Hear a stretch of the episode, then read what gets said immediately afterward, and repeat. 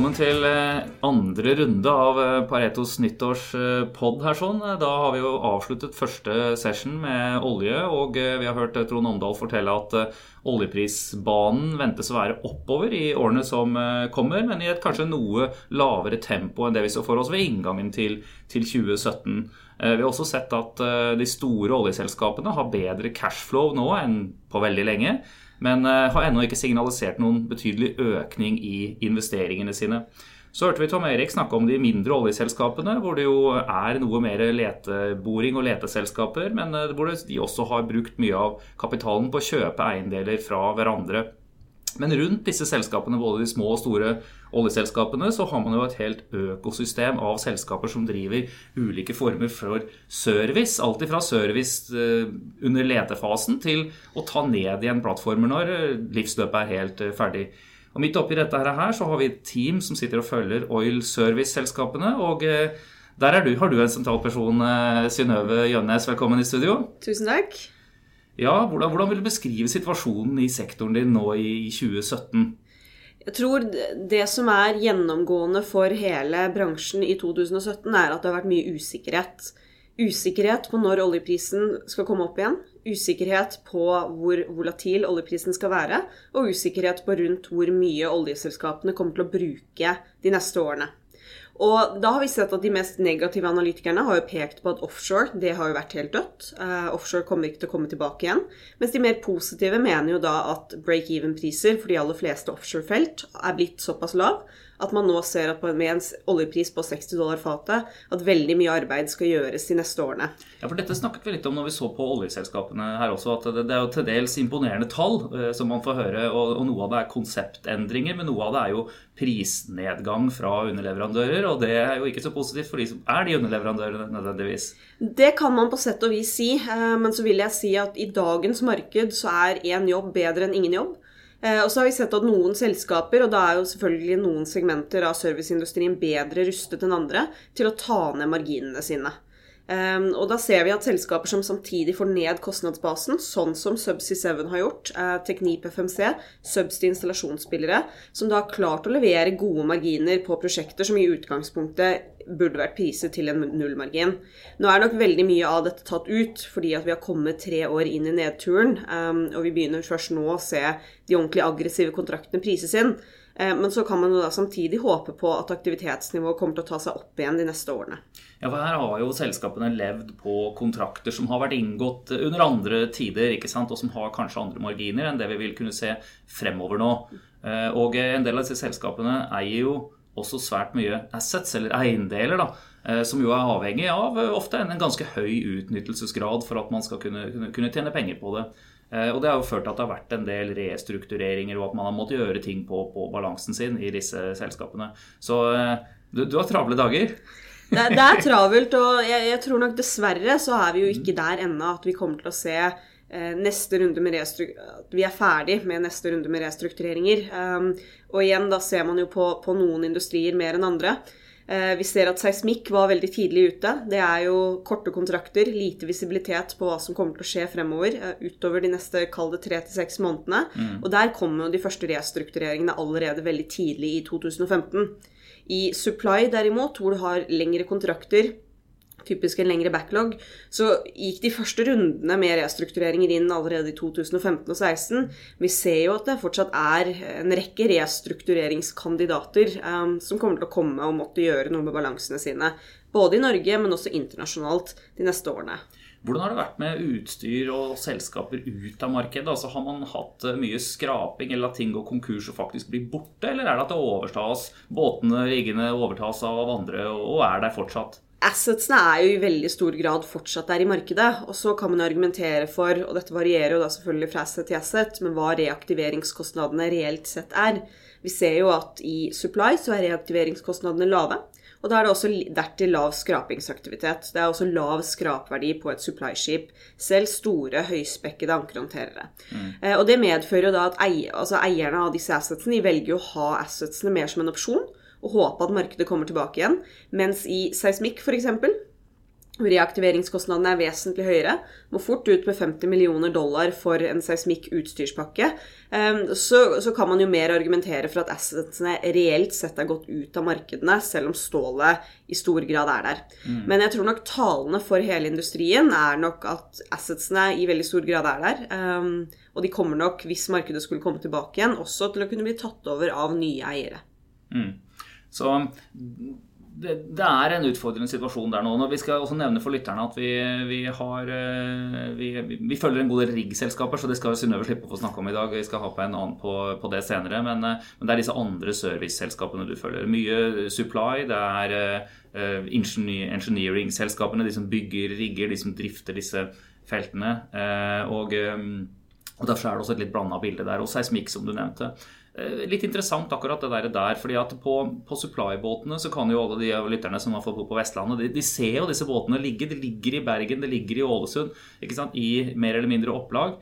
Um, mens på, på seismikk så er det jo en ting er båtene, men det andre er utstyr, altså utstyrspakkene. Og det er jo i mye større grad slitedeler. Dette må byttes ut ofte. Og, og det varer jo mye kortere enn det båten varer.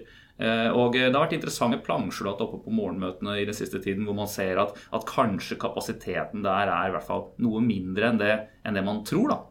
Ja, og det som er interessant med da f.eks. seismikk mot supply, det er jo at selv om du har skip som jobber på vannet, eh, så er det jo mye høyere Det er mye vanskeligere å reaktivere et seismikkskip, for det er dyrere i form av utstyrspakken. Og så vet vi jo generelt at for hele seismikkmarkedet så har jo utstyrsflåten, da, hvis man kan kalle det det, eh, alle pakkene i seismikkmarkedet, nå en snittalder på 5,4 år. Og Det er jo fordi seismikkselskapene har strupet investeringer, gitt at balansene deres har vært under såpass mye press uten å reinvestere.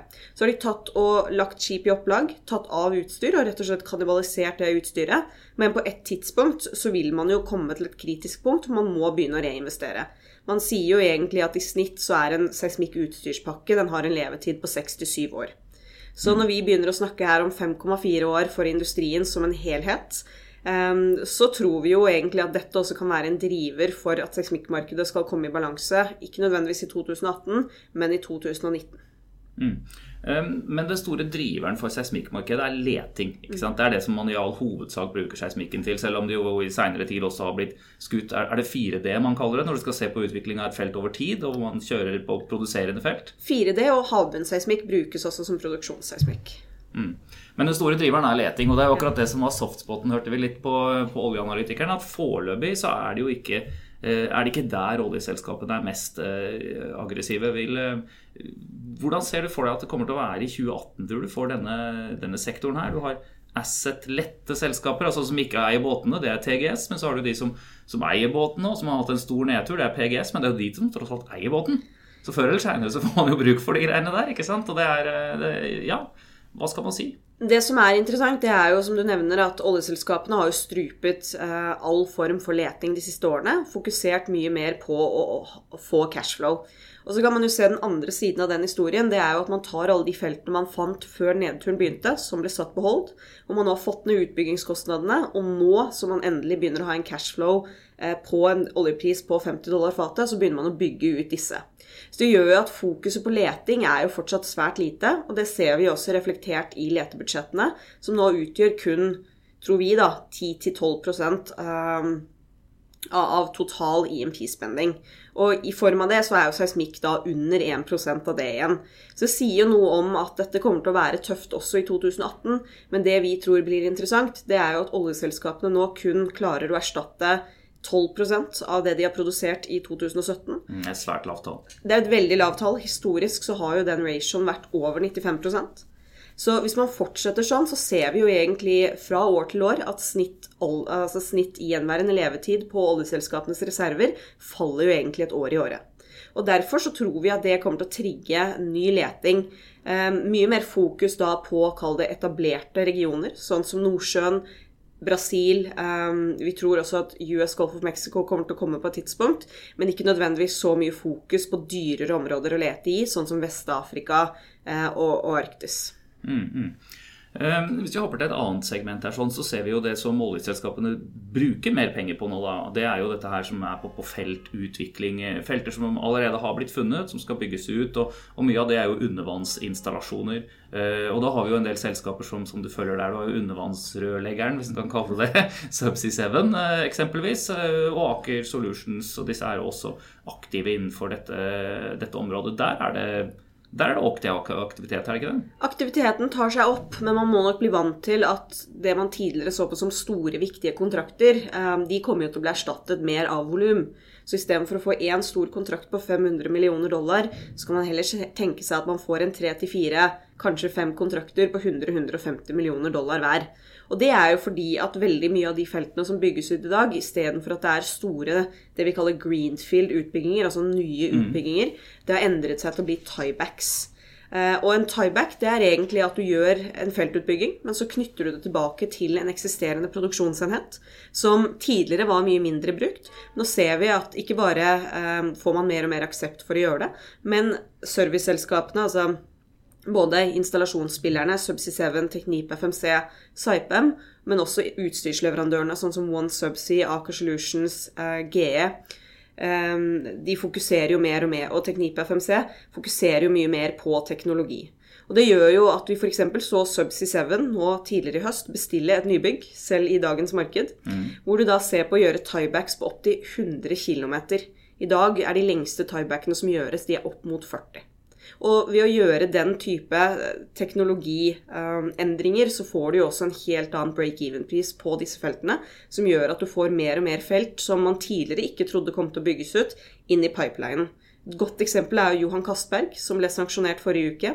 For de av dere som husker det, så ble jo Johan Castberg det ble jo satt på hold i 2013, hvor Statoil sa at dette feltet er ikke lønnsomt. Da var oljeprisen over 110 dollar fatet. Mm. Nå blir det sanksjonert, riktignok med en oljepris som er over 60, men det hadde blitt sanksjonert med en oljepris på 50 også. Og det sier noe om hva, hvordan man, ikke bare gjennom å presse marginer, men også ved å endre teknologien, endre konseptene, eh, får ned eh, de totale utbyggingskostnadene, som også fører til økt aktivitet.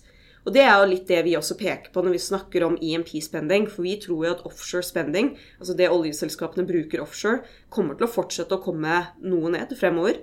Men vi ser jo at underliggende aktivitet det øker jo innenfor alle segmenter. Mm. Ehm, hvis man skal, ehm, skal, som investor posisjonere seg litt eh, inn her eh, for, eh, for 2018 har du noen tips, eller hvordan vil du tegne opp en, en, dette landskapet egentlig? Hvor bør man legge skjetongene sine? Ja, og det, det, som er interessant her nå, det er jo at gjennom eh, egentlig kall det hele industrien, så ser man jo fortsatt ganske sånn dyster prising på noen av disse aksjene. Eh, selv også de da med gode balanser. Så vi syns den gode eller beste kandidaten inn nå mot 2018 er jo Subsea 7. Mm. Eh, handler jo nå på under fem ganger EV-BTA. Historisk snitt har vært seks til syv ganger. Og du har en cashflow yield på 10 eh, de neste årene. Selv da med dette nybygget som jeg nevnte. Så det er jo et selskap som selv om EVTA-en skulle halvere seg, hvor du fortsatt kommer til å få en positiv cashflow yield Selskapet har en knallsterk balanse, 825 dollar i net cash. Eh, og vi ser at de posisjonerer seg jo mer og mer, også da i områder hvor de ikke har vært så sterke som før, som f.eks. US Golf of Mexico har også en allianse på plass med Schlumberger, verdens største oljeserviceselskap. Og det gjør jo at noen har begynt å peke på at man til slutt tror at Schlumberger også kommer til å kjøpe Subsea 7. Det var noen rykter om det i media tidligere i høst. Eh, slik som Teknip FMC har gjort. Teknip var jo da verdens største installasjonsspiller. FMC største på subsea-utstyr. De er mm. nå ett selskap eh, og slo seg sammen da tidligere i år. Ja, for Sammenslåinger, fusjoner, oppkjøp, det har det vært ganske mye av i, i sektorene din den siste tiden? Absolutt. Eh, og det er veldig mye fokus rundt hvordan man skal kunne få ned kostnadene, men også hvordan man skal kunne fjerne noe av den prosjektrisken, da, eh, eller backlog-risken, som man kan kalle det, som man har i dagens marked. Så ser man jo også mer og mer M&A blant konkurrentene, og da det trigger jo fort litt M&A, eh, eller lysten på M&A Eh, blant noen mindre spillere, sånn som f.eks. tror vi Aker Solutions. Mm. Hvis man skal eh, avslutningsvis da, trekke fram et, eh, noe som er, har høyere risiko, og da er det jo ofte disse selskapene med noe mer slanke balanser, og hvor, hvor, du da får mer et sånt element av opsjonsprising sant, inn i, i, selve aksjen. Er det noen ting du vil trekke fram der, og gitt at At det er noe høyere risiko på caser, rett og slett. At det kan være lenger frem i tid til det snur, eller at balansen er noe, noe strukket. Da syns jo vi PGS er den, eh, kall det litt mer risikable aksjen, men vi tror jo fortsatt at PGS kommer til å klare seg. Du nevnte jo i sted at det var båteiere som måtte restrukturere, sånn som PGS. Um, og da skal det jo nevnes at PGS er nok de som relativt sett har klart seg best i hele totalmarkedet, selv om også de har måttet gjøre runder med emisjoner for å styrke balansen sin og skyve på obligasjonsforfall. Det som er interessant med PGS, er at de kontrollerer jo de beste skipene i markedene. Og du får jo ikke betalt for det i dagens marked, men det gjør i hvert fall at um, du får en implisitt litt høyere rate. Du nevnte også 4D-seismikk tidligere. Der så vi jo at PGS og Western Geco de delte jo 4D-markedet mellom seg i år. Og det gjorde jo at PGS på en del jobber plutselig hadde rater både i Q2 og Q3 som var 30-35 høyere enn det gjengs markedsrate var. Fordi at de jobbene er bedre betalt, og det er mindre konkurranse. Og vi ser jo nå at av alle seismikk-båteierne, eh, så har man nå Du er i en situasjon hvor du har 26 skip i totalmarkedet. Totalmarkedet var på 64 på peak, og PGS kontrollerer jo nå seks av de fast, men de har også to stykker med utstyr på som de kommer til å bruke fleksibelt. Så det vil si at de vil jo ikke stå i en situasjon hvor de risikerer å ikke fylle opp eh, all kapasiteten sin, for de går egentlig ned på et minimum av hva de ønsker å ha på kapasitet, men så har de fleksibiliteten til å ta noe mer på. Relativt sett så har de også den sterkeste balansen. Um, som man kan jo skimse litt av det i dette markedet. Men de fikk også da frigjort 55 millioner dollar uh, nå for litt under en måned siden fra et uh, tax case i Brasil. Ja, Det førte til en betydelig styrking av balansen, for den var jo slank i Cash, Cash-balansen er likviditeten, mm. hvis man sier det. Mm. var jo ganske tynn. De hadde jo 25 millioner dollar i cash. Uh, nå frigjør de 55, som gjør at da du sitter med en 80 dollar cash-posisjon. I år så brenner de ca. 40 millioner dollar. Så alt annet like så kan man jo si at i et flatt marked så skulle de jo da hatt hvert fall nok cash til å klare seg to år frem. Men samtidig så har de jo initiert et nytt kostnadsprogram hvor de skal da kutte ytterligere 100 millioner dollar i kostnader. Ehm, de har kuttet ganske mye, 500 millioner dollar allerede fra peak i 2014. Men selskapet selv har et veldig hårete mål om å være cashflow-nøytrale i et flatt marked etter å ha betalt ned gjeld. Ja, Den nye sjefen var jo på morgenmøtet vårt og gikk gjennom og hadde må jeg si, en veldig bra presentasjon på, på hvordan, eh, hvordan, han så for seg den fremover. Absolutt, og det er nok det jeg tror kommer til å bli priset i større og større grad inn i PGS-aksjen, ettersom man ser at selskapet faktisk klarer å levere etter en man kan kalle det ganske katastrofal vinter inn i da Q4 16 og Q1 17. Mm. Da tror jeg vi kan konstatere at det kommer til å bli et spennende år også 2018 innenfor sektoren, og sier tusen takk til Synnøve Jønes. Tusen takk.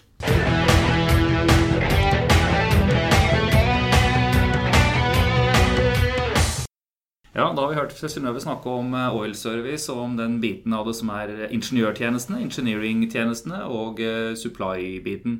Eh, men vi har også et annet segment innenfor oil service som virkelig domineres av store og dyre flytende maskiner, og det er rigg. Og Der sitter Bård Rosef, nå er han i studio her sånn, og du dekker det segmentet. Og, og, det kan man jo igjen dele opp i hvert fall tre. Og det er jo de riggene som driver med feltutvikling, de som driver med leting, og de som driver som flytende hoteller. Ja, eh, den største, største delen av markedet er, eh, er for, for borerigger. Hvor da eh, etterspørselen er drevet la oss si omtrent to tredjedeler av utvikling og, og en tredjedel av leting. Så en god miks på, på, på etterspørselssiden, i motsetning til subsea eller noe sånt, som er direkte mot utvikling, eller seismikk som er direkte mot, uh, mot uh, leting. Mm. Er dette en brøk som har vært ganske stabil over tid, eller er dette et øyeblikksbilde av liksom sånn, sånn er det nå? Uh, den har ikke vært så stabil over tid. Um, hvis man ser langt tilbake, så var på 80-tallet det aller, aller meste leting. så begynte det å komme utvikling etter hvert som man gjør funn. og spesielt i Nordsjøen, og så har det gjort mindre funn. Da har da utvikling vært en veldig stor del av, av regnestykket. Ser man på f.eks. sånn oppjekkbare rigger, eh, ofte kalt jackups, eh, så vil det aller meste av oljen være funnet, og det aller meste av etterspørselssiden, 85-90% i hvert fall, være drilling av produksjonsbrenner. Mm. Hvis vi spoler tilbake til før oljeprisen begynte å falle, 2013-2014, sånn, så, så, var jo temaet da ofte eh, det var at man skulle finne mer vanskelig Da drev oljeselskapene og prøvde å finne mer vanskelig tilgjengelig olje. Man snakket store havdyp, langt til havs, under saltlag. Man snakket om langt opp mot nord, harsh environment, som det kalles. Um, hvordan ser det ut nå? Um, nei, det, det, har jo, det, har jo, endret seg. Det var jo et syn der på at uh, man skulle stadig gå etter mer kompleks olje. Det var kanskje litt sånn peak oil-tankegang. Mm. Uh, der kostnadene stadig ble, ble drevet oppover. Um, det er jo ikke så veldig aktuelt nå lenger. På den annen side, du nevner uh, under saltlag, det er noe som i dag er konkurransedyktig på, på, dagens oljepris. Ehm, ettersom teknologien har fulgt, fulgt, litt etter. Da. Det er vel særlig Brasil som har en del av de feltene? ikke sant? Brasil og til en viss grad Vest-Afrika. Mm. Ehm, ja, det er mye samme geologi der. Det ble jo skilt fra hverandre en gang for noen millioner år siden. Riktig, riktig. Mens eh, i, i, våre nærområder så har vi jo altså Der man ser de nye blokkene åpnes nå for leting, er jo Barentshavet. Og der er det, det er harsh environment, som det kalles, er det ikke det? Jo, eh, det er eh, tøffe værforhold, men, men mer alt er kaldt. Um, så Nordsjøen har de aller tøffeste værforholdene sammen med Vest- og Shetland. Så er det kaldt oppe i, oppe i nord der. Men for hele det området så trenger du en, uh, en, en semi-rigg, uh, en veldig stabil rigg som tåler mer vær enn f.eks. et boreskip. Mm. Uh, den har også visse krav til hvor høye bølger den skal takle, f.eks. Vi har sett noen ulykker på norsk sokkel. du trenger en, en sterkere med en større Eh, luft mellom havoverflaten og, og boreplattformen. Så en spesialbygd rigg for, for, de værforholdene som vil koste mer å bygge. Mm.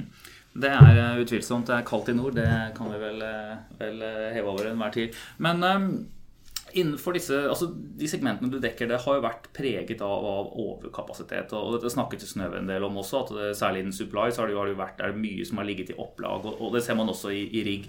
Eh, og det har også vært veldig forskjellig Eh, balanse hos de ulike selskapene. Alle vet jo at, at Sidril eksempelvis er nå i en restruktureringsprosess. Eh, ikke sant? Mens, men samtidig så kommer det grønne skudd. Her er det nye selskapet i 2017 som har blitt stabla på beina og, og, raskt har nådd stor størrelse. Eh, kan du fortelle litt, Hva er det som har skjedd? Hva er det de har sett i investorene som, som har etablert dette her? Nei, altså Det er jo muligheten til å, å, å komme inn eh, i dette markedet. Kjøpe eiendeler, kjøpe rigger på, på bunnen av sykkelen. Timing er alltid vanskelig, eh, men de investorene har da sett en mulighet. Begynte i desember for ca. et år siden med et oppkjøp av, av Borr Drilling av to jackups. Mm. Og da var det en mulighet til å kjøpe to jackuper som kostet noe sånt som 270-280 millioner å bygge, for 65 millioner per stykke. Uh, og det er klart uh, Det er fristende. Uh, det var fristende for mange andre investorer også. Men de var raskest og De var raskest, de kom i gang. Da blir det interesse blant andre som også ønsker å en eller annen gang i løpet av denne nedsyklen utnytte det at du har mulighet til å få tak i rigger på den, de, de, prisene. Eh, som gir da konkurranse, som driver opp, opp annonsverdiene av, av, disse prisene, av disse riggene. Selv om det underliggende markedet i hvert fall eh, i mindre grad Eh, har, har, utviklet seg veldig positivt i perioden. Mm. Ja, for vi er vel fortsatt i en eh, Det er fortsatt et, et, en situasjon hvor man har stor ledighet innenfor veldig mange riggsegmenter, og hvor ratene vel fortsatt kanskje er på vei nedover. Ja, de har, de har flata ut en, en, stund nå, men det er fordi de ligger på, på, på, på running cost, eller OPEX. da. Mm, så det er egentlig en uh, riggeieren kan, kan, velge å holde riggen varm gjennom å drive det, men uten å tjene noe penger på det, eller han må på en måte betale for å legge det i, i opplag. Eller han kan til og med være villig til å ta en rate under det, uh, de driftskostnadene han har per dag, bare for å holde den varm og, og slippe opplagskostnader. Mm, mm. Um, så er det noen segmenter, da, vi var innom harsh environment. Uh, spesielt på, på, flytesiden så kan man jo dele opp rigger, eh, i rigger som er kapable til å operere i de værområdene rigger som ikke er kapable. Det aller meste den nye kapasitet som er bygget de ti siste årene, er drillskip som ikke kan jobbe i de eh, værområdene. Eh, og i tillegg kuttet du ganske tidlig i Norge og du har en ganske moden infrastruktur. Der kostnadene forbedrer seg mest for prosjekter, er steder der det er moden infrastruktur. Fordi en stor del av kostnadene er brønner, og da har subsea og riggkostnaden falt mest. Og det er også der effektiviteten har kommet aller mest opp. Så på etterspørselssiden for den type rigger eh, så ser det ut til at det kan komme veldig bra opp i, i, i 2019-2020. Det tar litt lang tid, det her. Mm.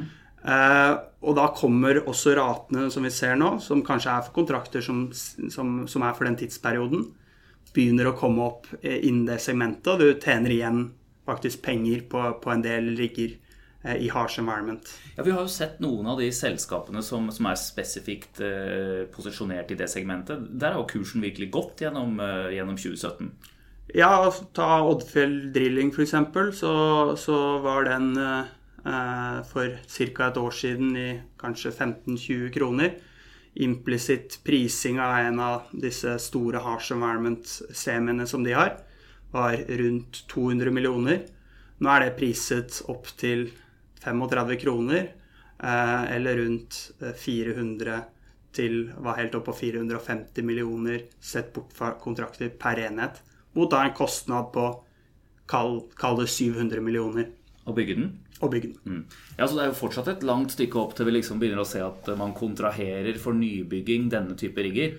Ja, vi har sett uh, et selskap, Frigstad, som har, uh, har, sett litt på det. Uh, det er jo et ingeniørdrevet selskap som, som kan være interessert i å, å, designe og bygge noe. Så vi får, vi får se. Det, det, har en tendens til å komme litt fortere enn det man tror.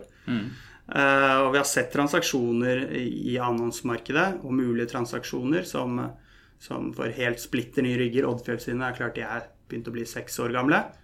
Eh, som, som, er eh, på 500 millioner. Så det begynner å nærme seg da nybyggingsparitet. I hvert fall for de aller, aller nyeste riggene i, i harsh environment-markedet. Mm. Hvis du skal se litt innover i, i 2018, eh, hvilke utviklingstrekk tror du vi kommer til å se? Det er et sensyklisk marked. Det tar tid før denne flåten kommer opp. Det vi tror kommer litt videre opp, er leteboring. Eh, det har kommet litt opp i annen halvdel 17 mot første halvdel 17. Eh, når oljeselskapene nå får mer penger å bruke, så kommer de til å lete mer. Eh, vi tror også at det kommer mange nye prosjektsanksjoneringer, men det vil ikke slå for riggmarkedet før da i 1920 21 eh, en del, en del områder. Så det vi tror kommer til å skje, er at antall rigger som jobber på de store prosjektene, der du ikke har sanksjonert prosjekt på en lang tid, vil fortsette å falle. For det ruller flere prosjekter av enn det som kommer på. Mm.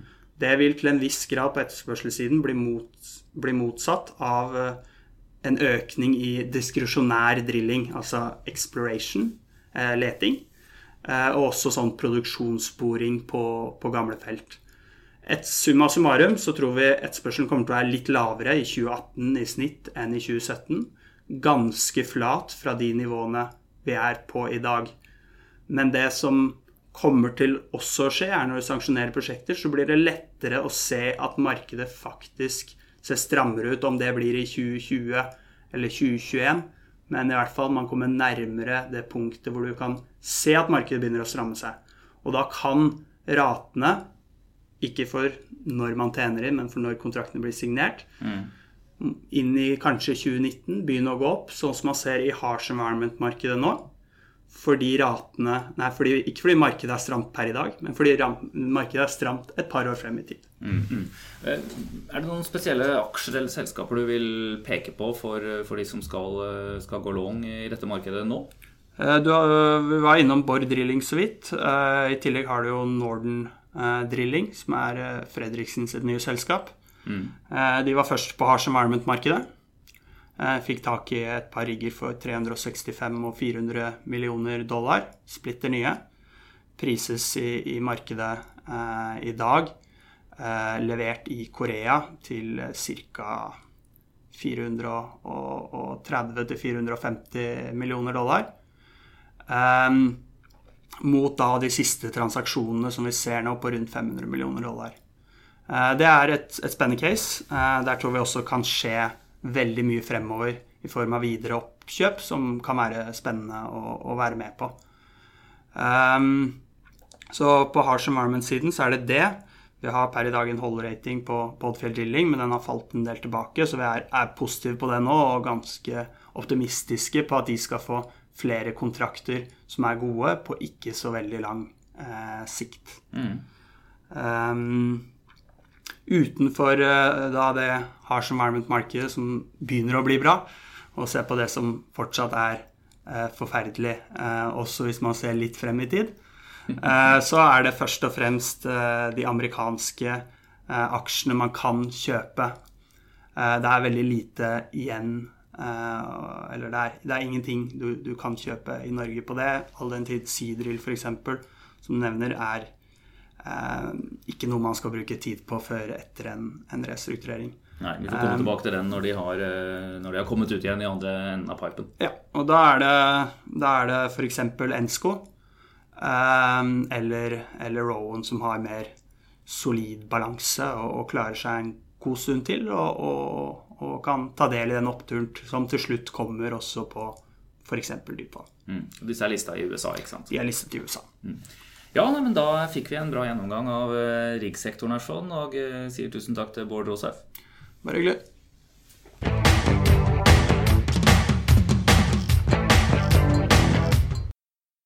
Ja, da skal vi ta et langt sprang fra olje- og oilservice og alt som er dyrt og flyter ute i, i havet, til eh, mer ting som, som, kanskje er aktuelt for de fleste av oss. Og det er jo en sektor også som jeg syns er spennende. Det er tech og, og, telekom. Og der har vi også flere analytikere både i Norge og Sverige som dekker det spacet der. Men eh, fremst i Norge her så har vi jo da Fredrik Steinslien. Velkommen i studio. Jo, takk for det. Skal vi begynne litt med, med telekom, kanskje? Eh, og eh, det norske markedet, for de som sitter der ute og har telefonabonnementer Jeg regner med at alle har en mobiltelefon, noen har fremdeles en, en fasttelefon. Um, men, men, man ser jo massevis av reklamer og masse ulike merker, egentlig. Og jeg har jo inntrykk av at få er klar over at det nesten bare er to spillere i det norske markedet. Eller har vært det frem til nå. Ja, det er jo riktig. Altså, Norge er jo langt på vei egentlig et uh, duopol. Altså to spillere. Og det er uh, Telenor og, og Telia. Uh, men de opererer jo med en underskog av merker. Du har jo Telenor som eh, f.eks. har Talkmore, som er mer en sånn fighter-brand, som vi kaller det. Mm. Går eh, relativt lavt på pris. Eh, du har også hos Tela som har OneCall, f.eks. Mm, og begge de er jo fremstår som utfordrere når du ser reklamene på TV. Men det er jo eid av de store. Det er eid av de, de samme, og, og, det har litt med hvordan de brander seg ut mot uh, forbrukeren. ikke sant? Skal det være ut mot en bedriftskunde, eller skal det være i en priskonkurranse mot forbrukerkunde osv. Så sånn at ikke det ene merket vanner ut eller har en spillover-effekt på det andre, rett og slett. Mm. Eh, så det er, det er jo riktig at det er de to som har nettverkene altså absolutt mest av på en måte Ja, for det, det er det bakenforliggende her. at ja. det, Stort sett, og vi kommer til det snart, fram, fram til nå i Norge har jo vært to eiere av selve nettverkene. Altså de mastene man ser rundt omkring. Og det har vært Telenor, og det har vært NetCom, som jo ble Telia etter hvert. Så, så, det er de som sitter og kontrollerer eh, strømmen der. Og også for det andre eventuelt frittstående merker som skal selge ut uh, tellerskritt, så må du jo leie nett av, av, en av disse. Ja, ikke sant? for I tillegg til at, at, Telenor og Telia har hver sine merker, avhengig av hvilken markedsstrategi de har, så, så har man jo også Eh, såkalte virtuelle spillere som rett bare leier nett av enten Telenor eller Telia. Dette kan f.eks. være Get, eh, Fjordkraft, Komplett, men vi har også en spiller som heter eh, Chili, f.eks., for, for å nevne noen. Og dette er jo da enkeltstående spillere som, som har et leieforhold hos da enten Telenor eller Telia. Men som ikke kommer utenom at en del penger vil havne hos de to sistnevnte det er klart at det å leie nett uh, er jo ikke gratis. Det er jo ikke det. Så, Men uh, det har skjedd noe nytt i, i, dette markedet her sånn i løpet av ja, Om ikke det er akkurat i 2017, så, så er det vel liksom nå det begynner å, å virkelig synes. Og det er at det, det, kommer opp en tredje spiller. Ja, det var en auksjon tilbake i slutten av 2013, hvor egentlig alle trodde at her var det Telenor, Telia og Tele2 som skulle ta eh, den delen av eh, lisensauksjonen, eller sine respektive deler av denne lisensauksjonen. Så plutselig fikk vi eh, litt sånn som egentlig ingen venta, en tredje spiller, og det er det som i dag er Ice. Og Ice tok jo da over, eller fikk jo via en, det som førte til at Tele2 måtte trekke seg ut av det norske markedet og selge sin portefølje til Telia, så fikk jo Ice en del såkalte remedies, stress bare for å måte, kunne legge til rette for en konkurranse som er rettferdig mm. i markedet. Eh, og med det også tatt over en del infrastruktur. Og Ice jobber jo nå da med å bygge opp et tredje mobilnett i Norge. Det er mange som kjenner det selskapet som sånn ja, hytteinternett, for å si det rett ut, egentlig. Eh, hadde, bruker det gamle nettet som, eh, som eh, kunne sende internett på, på noe lengre avstand. Eh, men, men, har, men, har, det senere da begynt å investere i, i topp moderne utstyr for, for mobiltelefoni.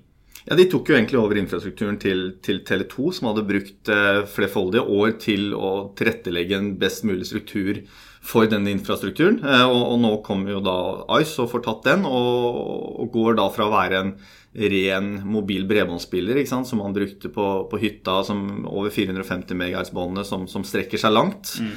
til nå å kunne være en også eh, svært habil aktør innenfor mobiltelefoni. da, og har jo nå per i dag, cirka, eller mot slutten av året, ca. 7 markedsandel.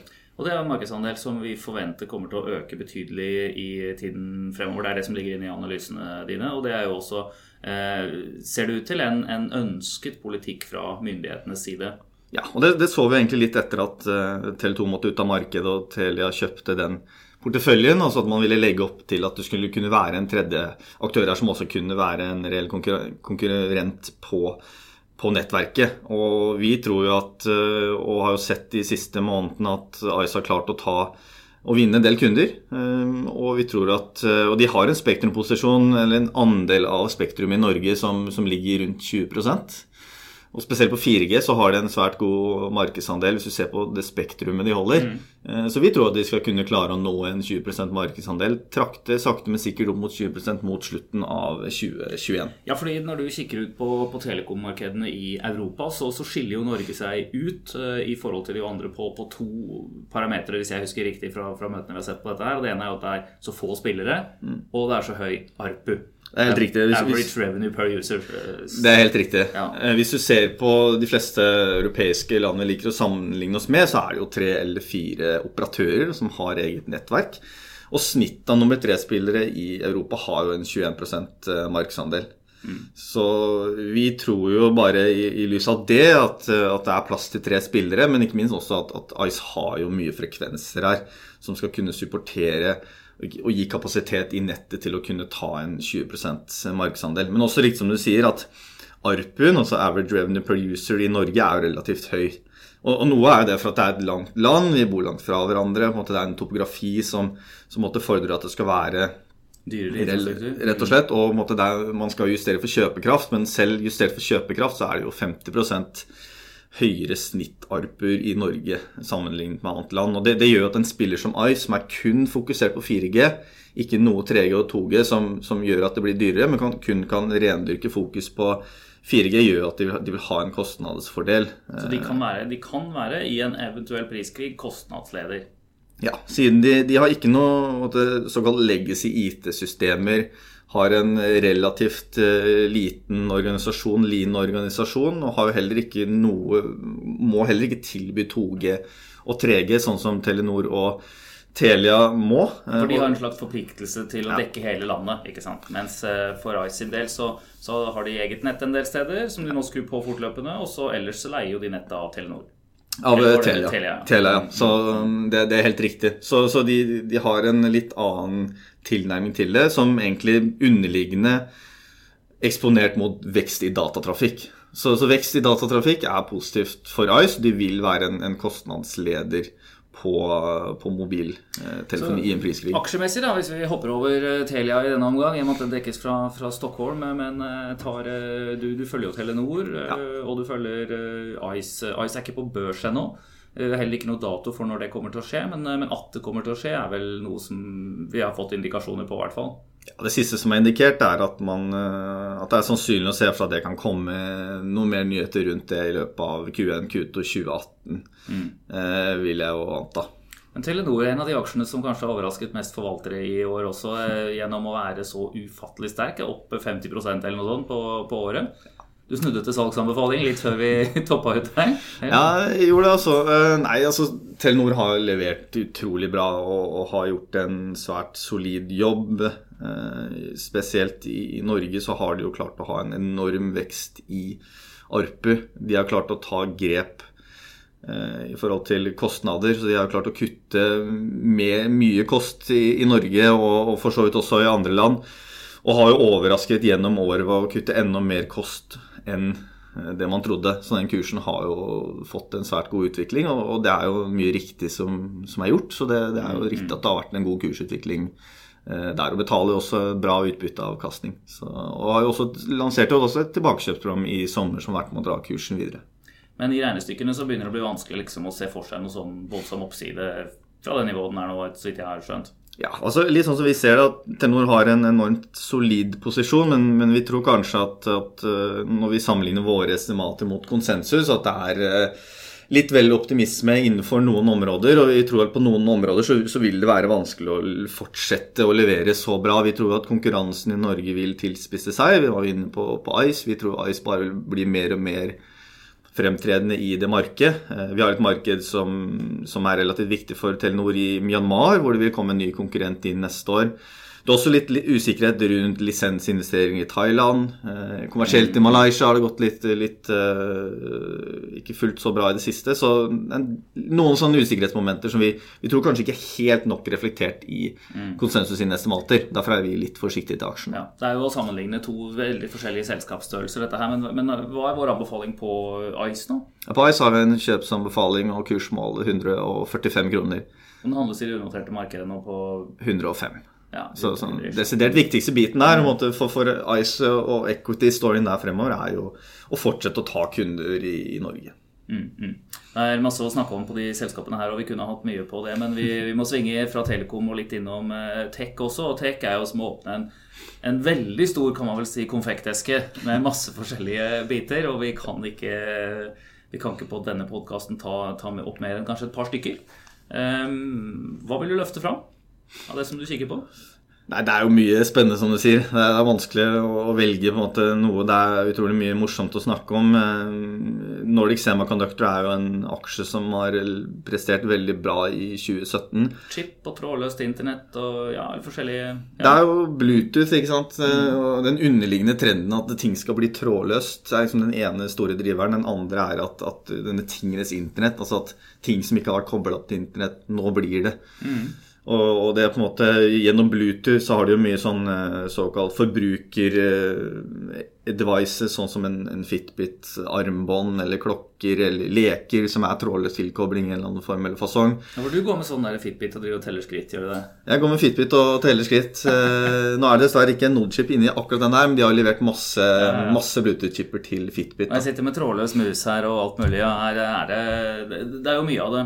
Så det er jo en av driverne der. Og om jeg husker riktig, så, så posisjonerer jo de seg nå for, for mer maskin-til-maskin-kommunikasjon og over lengre avstander enn det man uh, tradisjonelt har hatt. Ja, altså Bluetooth er jo på en måte mer en sånn forbrukerretta hva skal jeg si, eh, teknologi som, som, er mye hva skal jeg si, leker og armbånd osv.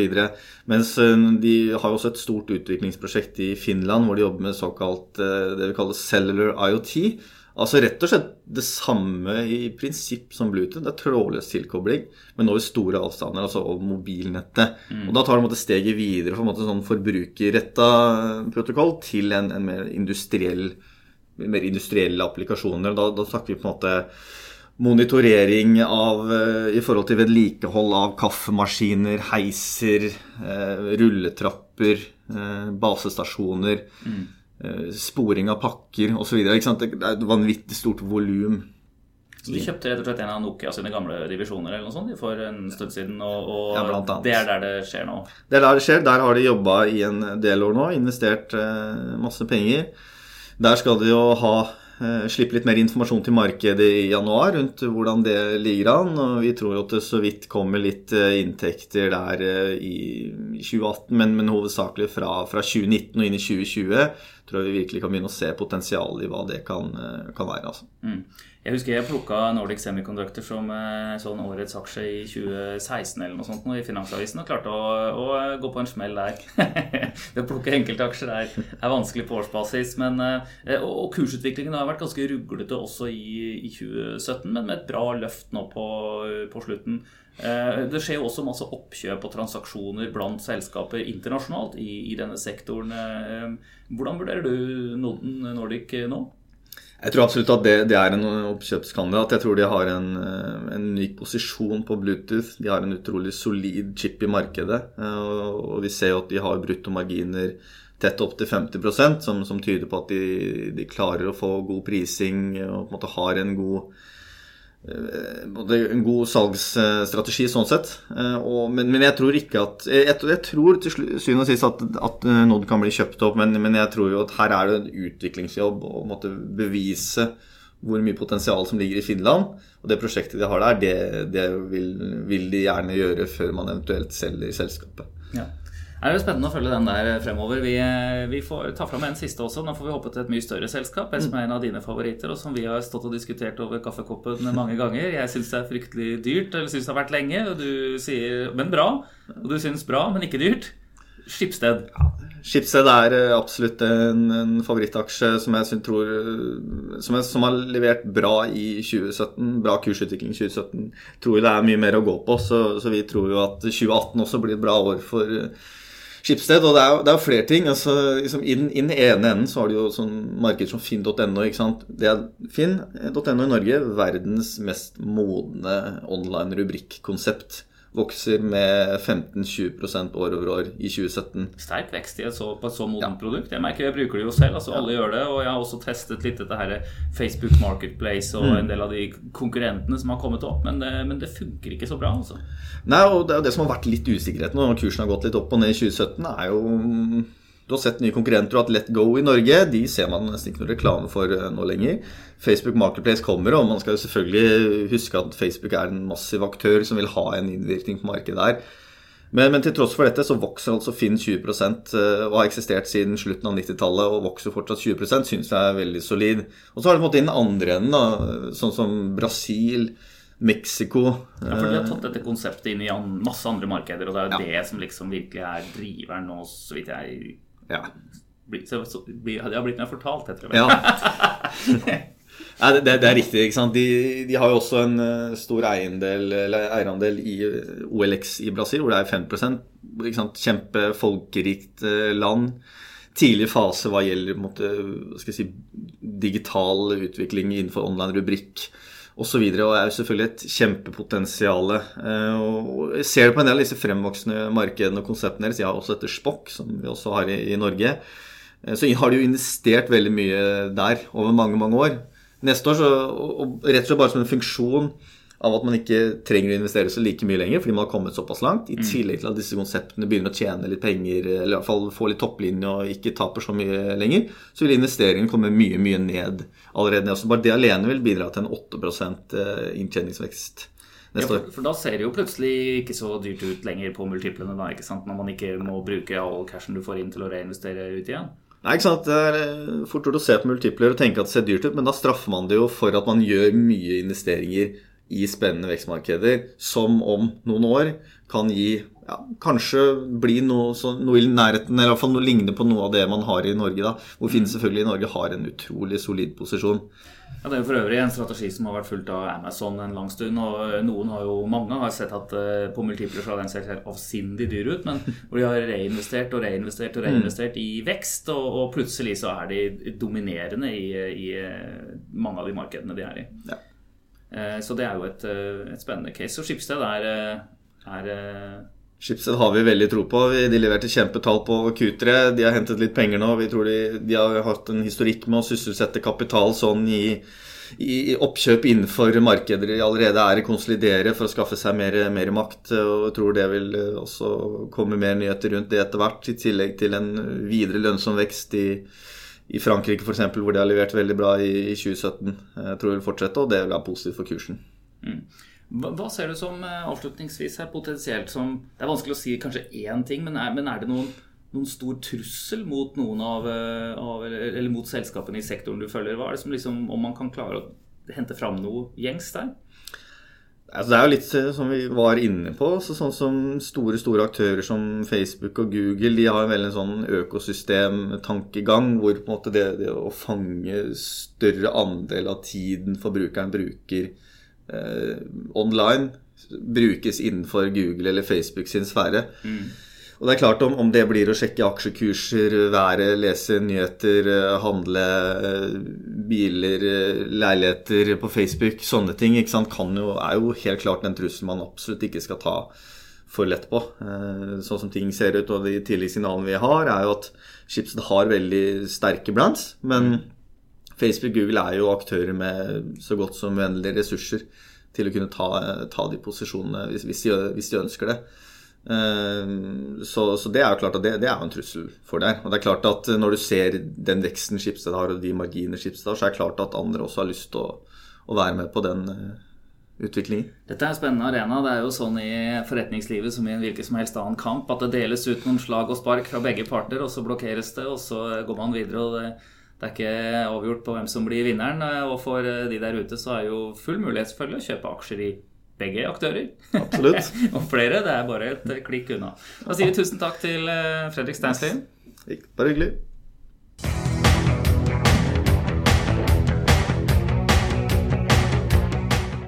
Ja, da har vi kommet til den sektoren som er eh, sektorvinneren, får man vel si, på Oslo Børs eh, så langt i år, og det er eh, finans. Jeg ser finans financials-indeksen på Oslo Børs er opp nesten 26% ved inngangen til jula her, og egenkapitalindeksen også opp 25% Så det har vært et, et bredt og godt løft for hele finanssektoren, og den som sitter og følger den hos oss, det er deg, Vegard Toverud. Ja, det stemmer. Velkommen til studio, og velkommen tilbake, får man si. fordi at eh, Som lytterne kanskje husker, så var jo eh, nylig du oppe her og snakket om forbruksbankene. Så for de som vil gå litt i dybden på det, så har vi en, en fyldig podkast på, på, det. Men eh, det vi vel tar som hovedtema nå, er jo disse andre finansselskapene. Der er det banker, og det er noen store forsikringsselskaper. Ja. ja nei, takk for at jeg fikk få lov å komme tilbake. Uh, det har jo vært et, et bra år, som du, du sier, for, uh, for, finans. DNB har jo gått uh, og er en stor del av, av indeksen og er opp uh, 26% Det er betraktelig mer enn børsen. det har jo vært sånn at man starta jo året med litt andre tanker enn det, enn det vi slutter med. For DNB så var det jo mye frykt rundt potensielle låntap. Det har jo mm. gått litt bort nå i løpet av året. Og for eh, noen av de større sparebankene så var det det samme også. Ser vi på sparebankene, så er det jo noen av de som har gått eh, betraktelig mer enn eh, DNB, spesielt på regionbankene. Og så er det noen av de, de mindre som har hatt litt mer vekslende utvikling. Ja, For oss som driver med analyse så, og er analysebaserte, så er det jo alltid gøy å kunne en gang iblant si 'hva sa vi'? Så vi skrev jo et innlegg, eller Dere lagde en analyse, og så skrev jeg et innlegg basert på det for uh, inngangen til, til året, hvor, uh, hvor, man skrev om sparebankene. Så det innlegget het vel 'Kjøpe en krone for 70 øre'. Og det var da prisbok uh, som man refererte til der. Ja, og nå er vi jo oppe på at vi for sparebankene i snitt kjøper mer enn krone for en, en krone. og det er et mye riktigere nivå, sånn som vi tenker. Og du ser jo at Oppsiden, sånn som, som, vi ser det i sparebankene, har jo også da blitt mindre i løpet av eh, året. Mm. Eh, og det er jo fordi sparebankene sånn sett har gått, gjort en god jobb, og investorer har fått mer eh, sett uh, mer verdien i sparebankene, hvis man skal si det sånn. For Bankene har vært gjennom, og det gjelder jo i Norge, men også egentlig nesten hele verden, hvor bankene har vært gjennom en kapitaloppbyggingsfase etter finanskrisen, hvor temaet har vært at man skal komme seg opp til et, et nivå hvor man har en mye mer robust balanse og ikke tåle, altså kunne tåle en tilsvarende krise igjen. Det er jo litt sånn som man spøkefullt sier om Forsvaret, at man gjerne rigger det for å være godt rustet for forrige krig. Eh, men eh, nå har da bankene eh, Vi er kommet til en situasjon hvor, hvor, balansene er solide. Men the flip side of the coin på det er jo at med mye høyere egenkapitalandel så kan man vel forvente lavere egenkapitalavkastning? Selvfølgelig. Men der er det egentlig ingenting som har endret seg i løpet av året. Hvis man ser på det regulatoriske, som jo er en veldig viktig del av stort sett alle finanssektorer, og spesielt da på banker, så er jo da norske banker i et internasjonalt perspektiv veldig godt kapitaliserte. Og det som vi nå har fått på tampen av året, er jo en endelig klarhet rundt implementeringen av Basel 3, eh, populært kalt da Basel 4. Og akkurat her så ligger det, uten at vi skal gå i dykk på det nå, så ligger det noen ting som gjør at hvis man ser fra et regulatorisk perspektiv, så er det vel kanskje banksektoren av de sektorene som jeg er ansvarlig for, som man kan se at man får mest medvind regulatorisk. Det får vi tror jeg, komme tilbake til eh, i forhold til en, en annen, eh, en annen pod. Ja. Eller så tenker jeg for, for, norske banker så er det da eh, en avkjøling av eh, boligmarkedet. Og det vil nok påvirke veksten. Vi er ikke veldig bekymra for lånetapene, spesielt ikke det som er tilknyttet husholdningene. Men veksten kan jo være litt vanskeligere å få framover enn det den har vært nå historisk. Og det kan jo være greit også for det finansielle systemet. Ja, vi ser, vi ser de svenske storbankene. Der er det jo færre, men mye større banker. De, de har jo blitt sendt ganske kraftig ned eh, i kurs og også i, i prising, basert på, på fallende svensk boligmarked. Eh, men dette er jo interessant i forhold til det norske. De har blitt sendt mindre ned og er kanskje mindre utsatt eh, for det også. Men ellers så er jo mitt inntrykk hvert fall at bankene nå går fra en, en fase hvor fokuset har vært på å oppkapitalisere seg, til en situasjon hvor de egentlig har nok kapital, og hvor kanskje fokuset blir å begynne å se på, på vekstmuligheter igjen. Eh, Jeg tror, tror det første man, man, ser på nå, og det som er i hvert fall sånn som vi ser det, og overfor investorer som et investeringsobjekt, så er det jo da at man får mye mer tilbake via utbytter eller tilbakekjøp for, eh, for DNB. Eh, det er jo hoved, hovedstormen. Det er ikke mangel på kapital for vekst som er bekymringen. Det er mer etterspørselen etter kreditt som begrenser veksten for de norske bankene mm. i 2018, sånn som, sånn som, jeg ser det. Hvis vi skal bevege oss videre over på de andre sektorene, siden det er uh, tross alt en, en, del jeg dekker her, så så har vi jo vært innom Consumer Finance. De har hatt en litt ruglete, de hadde en ruglete start på året, har kommet godt tilbake. Og er jo en av de sektorene som vi jo tror kan vokse inn inntjeningen og topplinja eh, bra også inn i neste år. Så det er noe, noe å se på. Eh, forsikring har jo også gjort det egentlig bra.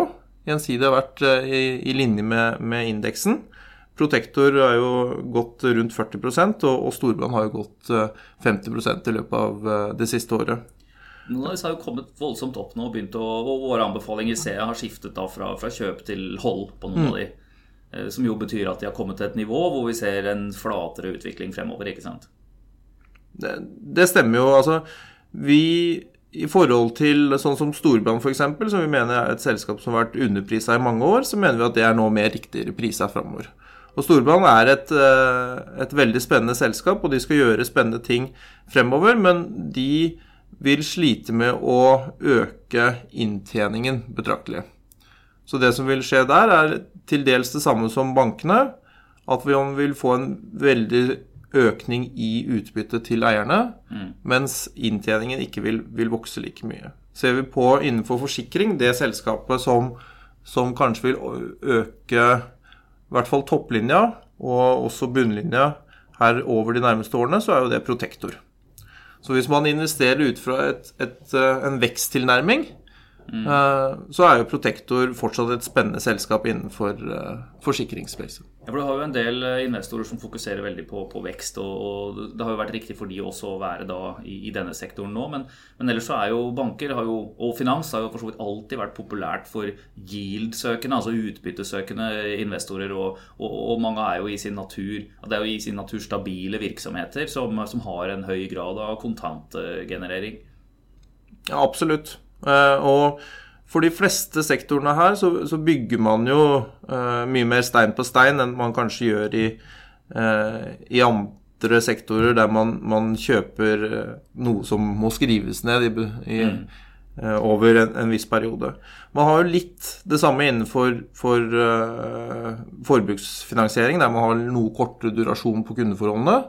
og man har jo det samme inne på, på inkasso, som jo er en av de sektorene som har, eh, som har litt blanda utvikling gjennom året. Eh, men der vi også tror at eh, det kommer til å være vekst inn over de nærmeste årene. Der kjøper man jo gjeld fra forbruksbanker eller, mm. eller andre, banker eller telekomselskaper etc. eh, og driver, driver, det inn. Og Da kjøper man jo en portefølje som man jo eh, skriver ned, eh, som er da kanskje likere enn en del andre industrier. Innenfor dette området, de bankene, de, de, selskapene du dekker, så finner man jo også noen av de selskapene som jeg egentlig liker veldig godt. Det er jo forskjellige typer aksjer der ute, og man skal ha det til litt forskjellig bruk. Og man har jo noen av de genuint kjedelige aksjene her, og kjedelig kan være bra. Hvis jeg skulle anbefalt en aksje for en tante eller noe sånt, som skal liksom kjøpe et eller annet og ikke følge med på børsen hver dag, men har dette liggende i, i skuffen og, og tjener penger på det, så er det jo eksempelvis Sparebanken Østlandet som kom på børs dette året her, som er ordentlig traust innenlandsfinans. Men hvor du kan regne med en 10% avkastning i, i året med ganske stor sannsynlighet. Ja, jeg er helt enig. Eh, jeg syns det er eh, farlig når eh, banker ikke er kjedelige. Ja, nettopp. Det har vi sett noen eksempler på. De som husker 2007 og 2008, de og enda lenger tilbake, de som husker eh, inngangen til 90-tallet, de, de, så jo perioder hvor banker ikke var kjedelige. Banker er jo traust mellom hver finanskrise. Ja, og så er det nok Vi går jo inn i en fase nå også for bankene der det skjer spennende ting, spesielt sånn teknologisk. Så eh, med og her blir det fort litt sånn sjargong igjen, men det kommer nye betalingsdirektiv som vil endre interaksjonen mellom bankene og kundene. Mm. Og det er i mitt hode bare én av flere ting som vil komme framover, som vil gjøre at eh, bankene sin rolle, spesielt på, på privatmarkedet, eh, vil endre seg. Og det er en veldig spennende utvikling som også fordrer at bankene klarer å omstille seg på en annen måte enn jeg tror de har vært nødt til over de, de siste årene. Uh, og der er det jo noen banker som ligger foran i løypa, og andre banker som kanskje henger litt etter. Så det blir spennende å se hvordan det spiller seg ut, og hvordan utviklingen der blir. Vi ser jo på en måte VIPS og den fantastiske suksessen som VIPS har vært, mm. og hvordan Eh, noen tenåringer i hvert fall har et mye tettere forhold til VIPS enn det vi har til banken. Eh, og det er jo en, en, en sånn spennende utvikling. Ja, I forhold til hvordan vi bruker bank. Når det gjelder teknologi og utvikling og endringsvilje her, så, så må jo gi litt honnør til DNB, egentlig. De har vært eh, på ballen her lenge, og det må de kanskje også. I kraft av sin størrelse og posisjon må man være foroverlent for ikke også å tape. Ja, absolutt. Og jeg syns det er jo Rune Bjerke som, som, leder i DNB har virkelig gått inn og lagt uh, løypa for hvordan det skal gjøres, og det syns jeg han skal få mye honnør for. Uh, jeg syns han virkelig har tatt tak i det skiftet. og Jeg føler at han internt i organisasjonen også har staket ut en kurs og satt mål for hva de virkelig må klare. Eh, og så ser man jo at de har gjort det enda bedre eh, enn det. Eh, så det er imponerende fra, fra, DNB sin side. Og det blir jo spennende å se hva, hva DNB også klarer å få til nå inn i neste år med, med endring i, i betalingsdirektivet osv. Men 25 eh, opp på sektoren i 2017. Hva, hva, kan vi vente oss i 2018 her, tror du? Og hvilke, er det noen spillere du spesielt vil, eller aksjer da, du gjerne vil løfte fram for, eh, for kundene? Jeg tenker at Det er, det er viktig for, for kundene å, å, å ta liksom et steg tilbake, kanskje, eh, når man går inn i, jula i årsskiftet, og se liksom hvordan man tenker også rundt finans inn i, inn i porteføljen og inn i mer sånn makroperspektiv. Eh, det er jo forskjellige drivere som Og du kan knagge disse forskjellige selskapene på litt forskjellige trender.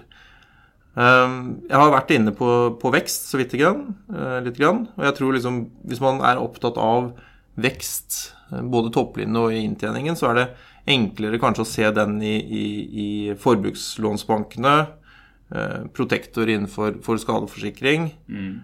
og på noen av inkassoselskapene enn på andre. Eh, dels er jo de priset eh, deretter, f.eks.